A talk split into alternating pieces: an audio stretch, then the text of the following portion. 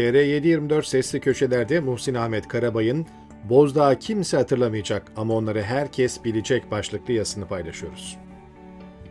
Toplumları yücelten, insanları birbirine bağlayan, biriktirdikleri güzel hatıralardır. Türkiye ise devlet eliyle toplumun heybesini çirkin anılarla dolduruyor. Ülke arınma dönemine henüz girmedi. Utanç tabloları biriktirilmeye devam ediyor. İstanbul'da görev yaptığı yıllarda yakından tanıdığım Vali Hüseyin Avni Mutlu hakkında mahkeme yıllar sonra beraat kararı verdi. İstanbul 30. Ağır Ceza Mahkemesi Mutlu'yu yıllar süren terör örgütü üyeliği suçlamasıyla yargıladı. Vali Mutlu Silivri cezaevinde bir buçuk yıl kadar hapis yattı. Yargılaması yıllarca sürdü. Mahkemenin verdiği 3 yıl 1 ay 15 gün hapis cezası Yargıtay tarafından bozuldu, yeniden yargılandı ve dün itibariyle de beraat etti. Ceza hukuku profesörü İzzet Özgenç mahkemenin verdiği kararı sevindirici kabul etmekle birlikte tabloyu pek aydınlık bulmadığını ifade etti.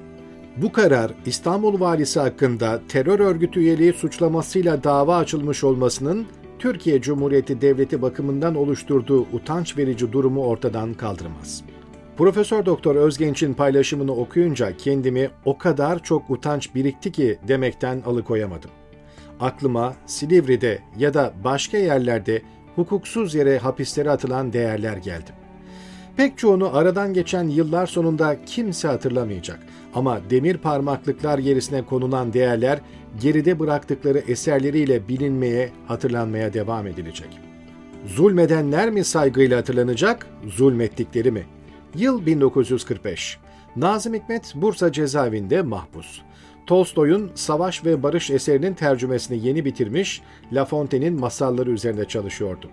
Tanya isimli şiirini yazdığı sıralardı. Hani şu seni astılar memleketini sevdiğin için, ben memleketimi sevdiğim için hapisteyim dizelerinin geçtiği, okuyanı 18'inde idam edilen Tanya'yı karşısına getiren canlılıktaki şiiri. O sıralarda Bursa cezaevine Adalet Bakanlığı'ndan bir müfettiş gelir. Denetimleri sırasında cezaevi müdürüne Nazım da buradaymış. Çağır bakalım nasıl bir adammış. Nazım'ı müdürün odasına getirirler. Koltuğuna iyice kurulan müfettiş, Nazım'ı tepeden tırnağa süzdükten sonra ''Demek şu sözünü ettikleri Nazım Hikmet sensin.'' Nazım'ı konuşma süresince ayakta tutar. Sonrasında götürebilirsiniz der. Nazım bir adım attıktan sonra döner ve müfettişe ''Ömer Hayyam adını duydunuz mu?'' diye sorar. Müfettiş bilgiç bir edayla kim bilmez Hayyam'ı diye karşılık verir. Nazım Hayyam zamanında İran'da hükümdar kimdi diye sorunca müfettiş şaşkınlıkla dudak büker ve bilmiyorum cevabını verir. İstediği cevabı alan Nazım, görüyorsunuz sanatçıyı hatırladınız ama hükümdarı bilmiyorsunuz.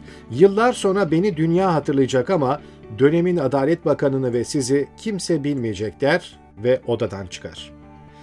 O dönemin Adalet Bakanı'nı bugün adı söylense bile hatırlayan pek çıkmasa gerek. Nazım daha dün yaşadı diyecek olanlar için biraz daha geriye gideyim.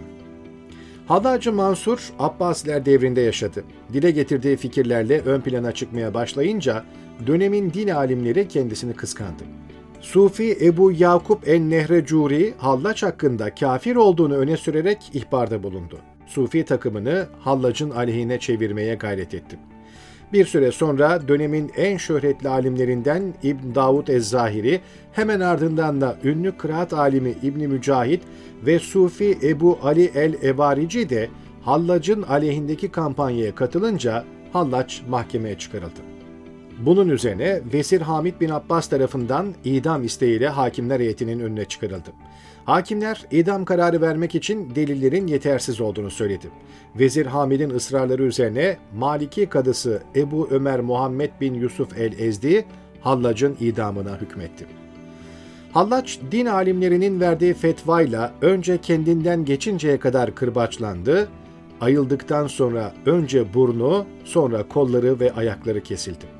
Ardından da ipe geçirilip idam edildikten sonra başı kesilerek Dicle üzerindeki köprüye asıldı. Halife Muktedir Billahan Veziri Hamid'in kini bununla da dinmedi. Gövdesini yakıp küllerini nehrin sularına savurdu. Kesik başı da bir mızrağa geçirerek Hallac'ın daha önce vaaz verdiği şehirlerde gezdirdi. Sonraki yıllarda Hallac'ın idam edildiği yer ziyaretgah olarak tanındı. Halefi olan Vezir Ali bin Mesleme gelip cesedin olmadığı makamda dua edip Abbasi devleti adına özür diledi. Hallac'ın çok eski olduğunu söyleyenler için 4-5 asır daha günümüze doğru geleyim. Seyyid Nesimi Türkçe, Farsça ve Arapça şiirler yazdı. Tasavvufa meyletti ve Fazlullah-ı Hurufi'nin sadık temsilcilerinden oldu. Piri olan Fazlullah, Timur tarafından idam edildikten sonra doğup büyüdüğü Tebriz bölgesinden Anadolu'ya geçti. 1. Murat Hüdavendigar döneminde Bursa'ya geldiyse de hoş karşılanmadı. Hacı Bayram Veli ile görüşmek üzere Ankara tarafına gitti. Hurufi düşüncelerinden dolayı orada da huzura kabul edilmedi. Bunun üzerine Halep'e yöneldi. Burada kendi fikirleriyle irşat çalışmaları yaptı. Maraş taraflarında hüküm süren Dulkadiroğlu Ali Bey, Karakoyun hükümdarı Cihan Şah gibi devlet adamları Nesimi'nin fikirlerinden etkilendi. Nesimi'ye göre insan varlık güzelliğinin aynasıydı.